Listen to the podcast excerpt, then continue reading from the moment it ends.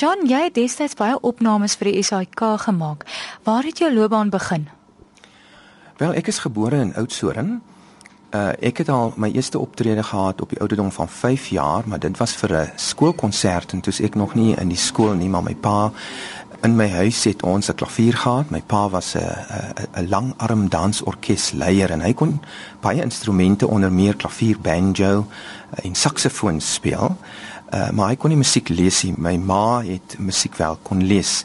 Maar van daardie ouderdom kon ek maar nou deuntjies en wysies wat ek gehoor het, het ek maar op die klavier uitgetokkel en dit was eers op die ouderdom van 9 jaar dat ek by die Holy Cross Convent in Oudtshoorn die geleentheid gehad het om musieklesse te kon neem my hele laerskool en hoërskool tydperk was in Oudtshoorn en na matriek het ek toe na die Universiteit van Kaapstad toe gegaan en ek was bevoorreg om onder Neil Solomon uh klavierlesse te neem.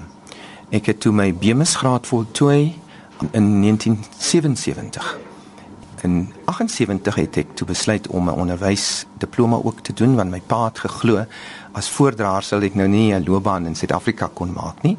Ek het nou maar teen wil en dank dit maar gedoen, maar seker ook maar vir, tot my eie beswil daardie tyd.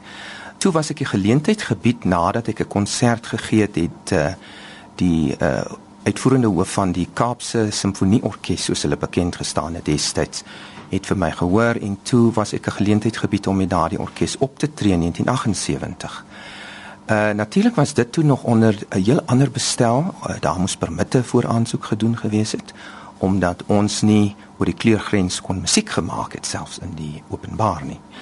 Ek het natuurlik net gesê solank ek niks hoef uh, my te verneder om aansoek te doen nie, het hulle nou maar die prosesse uitgesorteer en toe in uh, op 2 April 1978 het ek my buiging met die Kaapse Simfonieorkes gemaak onder leiding van Werner Andreas Albert met die Griek klavier konsert. En dit was nou so 'n wêreldjie wat toe nou oopgegaan het want toe het almal verder in Suid-Afrika van my verneem en toe kon ek toe destyds ook met die Nasionale Simfonieorkes van die SAIK en ander orkeste in die land uh, soos Sukhoffs orkes en ook in Natal daardie tyd al die kunsterade het my gevra om op te tree en ek was bevoorreg toe in in die 80er jare om opnames ook vir die SAIK te maak want van die laaste gedeeltes wat ek nog hier kan onthou dis nou weer my eerste besoek in 'n baie baie lang tyd hier aan die SAIK gebou toe was ek die wenner van die 1982 SAIK musiekprys wenner en dit was ook net die tweede jaar dat die kompetisie oop was vir almal in die land voor dit my eerste uh, deelname was in 1980. Dit was toe nog by die ou destydse RAU. Ek kon toe nou nie tot by die finale ronde daardeur dring nie, maar die 2 jaar daarna toe het ek die prys gewen. Nou ja, toe het uh, my loopbaan verder gegaan. Ek het in 84 85 het ek in Londen onder Martino Terimo het ek uh, musieklesse of klavieronderrig gekry en nou 84 85 toe was dit nou net voor die uh die noodtoestand afgekondig was destyds en my hele uh, loopbaan en repertorium wat ek instudeer het was toe 'n voorbereiding om 'n om 'n internasionale kompetisie in Uruguay te gaan doen.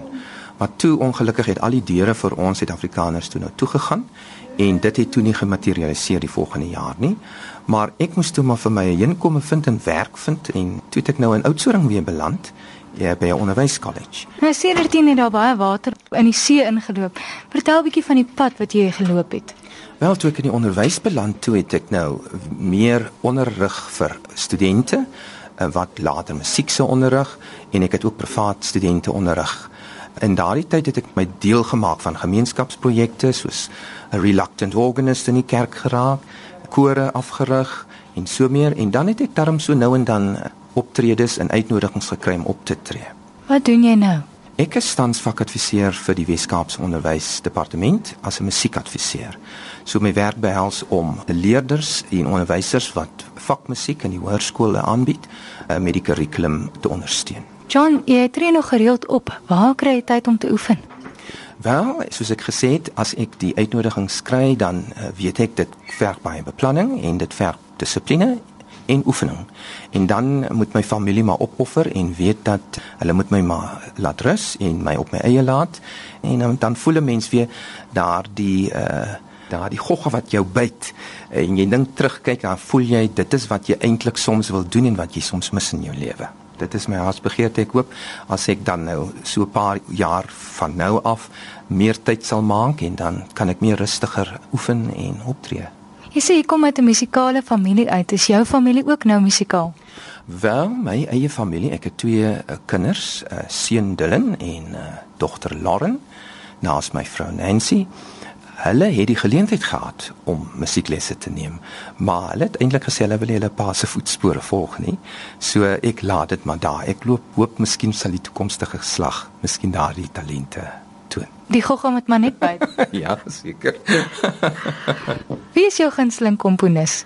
Wel daar is 'n uh, uh, baie komponiste wat ek van hou. Elkeen het 'n unieke plek in my hart. Maar ek dink toe ek nou seker iemand uit Kaapstad toe gaan, toe ek blootgestel word aan Rachmaninov se se musiek, het ek tog 'n uh, baie groot plekkie vir my gevind. En uh, ek was bevoorreg om byvoorbeeld baie werk van sy werke te speel en het ook sy klaf, tweede klavierkonsert gespeel en natuurlik al die ander ook uh, probeer instudeer.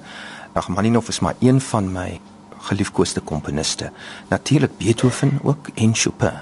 Dink dit is die die die emosie wat in hulle in hulle werke weerspieelbaar is en wat 'n mens kan kommunikeer met 'n gehoor, die diepte van hulle musiek. Natuurlik is dit ook baie tegnies ehm um, uitdagend, maar met goeie voorbereiding en as jy goeie tegniek het, kan jy dit bemeester. Hoe vind 'n mens jou identiteit as pianis in Suid-Afrika? Wel, dis 'n bietjie moeilik, jy weet, in Suid-Afrika is is klassieke musiek miskien baie klein, maar ek dink dat die meeste van ons pianiste gaan oor see om 'n naam vir hulle te maak. Hier in Suid-Afrika kan jy miskien nie 'n bestaan maak as 'n konsertvoordraer nie en jy moet dit maar kombineer met miskien 'n doseerwerk aan 'n universiteit of 'n onderrigwerk. Maar ek dink jy moet die dissipline hê om om aan te hou en om net die beste te kan wees want dit is wat die mense na kyk. Vandag is daar baie talent, maar dis nie 'n talent wat jy alleen gaan deurdra nie. Jy moet hardwerkend wees en soos die Engelse term committed wees. Jy moet jy moet absoluut toegewyd wees om te doen en en bo uit te kom en 'n visie vir jouself te hê. Wat is vir jou absolute hoogtepunt Ja, soos ek sê, die die SAIK musiekprys destyds was een van die groot hoogtepunte. Natuurlik kan ek dit ook vergelyk toe ek die eerste keer met 'n orkes opgetree het, maar nou moet nou moet jy dit in die konteks sien van 'n ander Suid-Afrika wat ons toe gehad het.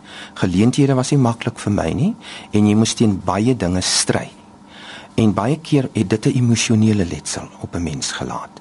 En vandag dan voel jy nog inherënt draai jy nog soms daardie las dat dinge nie natuurlik vir jou kom nie want jy het, jy het miskien saam met dit het dit wonde gemaak wat nie in pyn wat nie maklik uit jou uit uh, laat ek dit so stel dat mense het nog genesing nodig soms. Van die hoogtepunte kan ek absoluut sê was my studies aan die universiteit en elke optrede was uniek. En die geleenthede en ek moet ook sê agterna het ek daarom 'n oudsoring opgetree met 'n orkes met die Kaapse Filharmoniese Orkees wat toe nou die opvolger was van die Kaapse Simfonieorkes.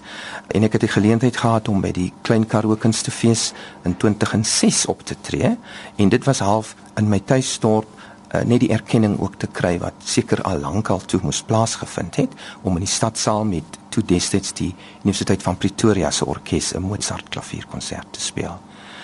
Wat geniet jy die meeste daarvan as jy op die verhoog is? Dit is 'n wonderlike oomblik as jy daar sit, dan gaan daar baie dinge deur jou kop, maar om net te fokus en om die musiek wat voor jou is op so 'n wyse te kommunikeer dat jy genot daaruit kry en dan weet jy die die die die gehoor sal dit net so saam met jou geniet. Natuurlik aan die begin is die senuwees lol, so bietjie maar na die eerste paar mate en dan ontspan jy en jy kan dit saam geniet as jy goed voorberei is.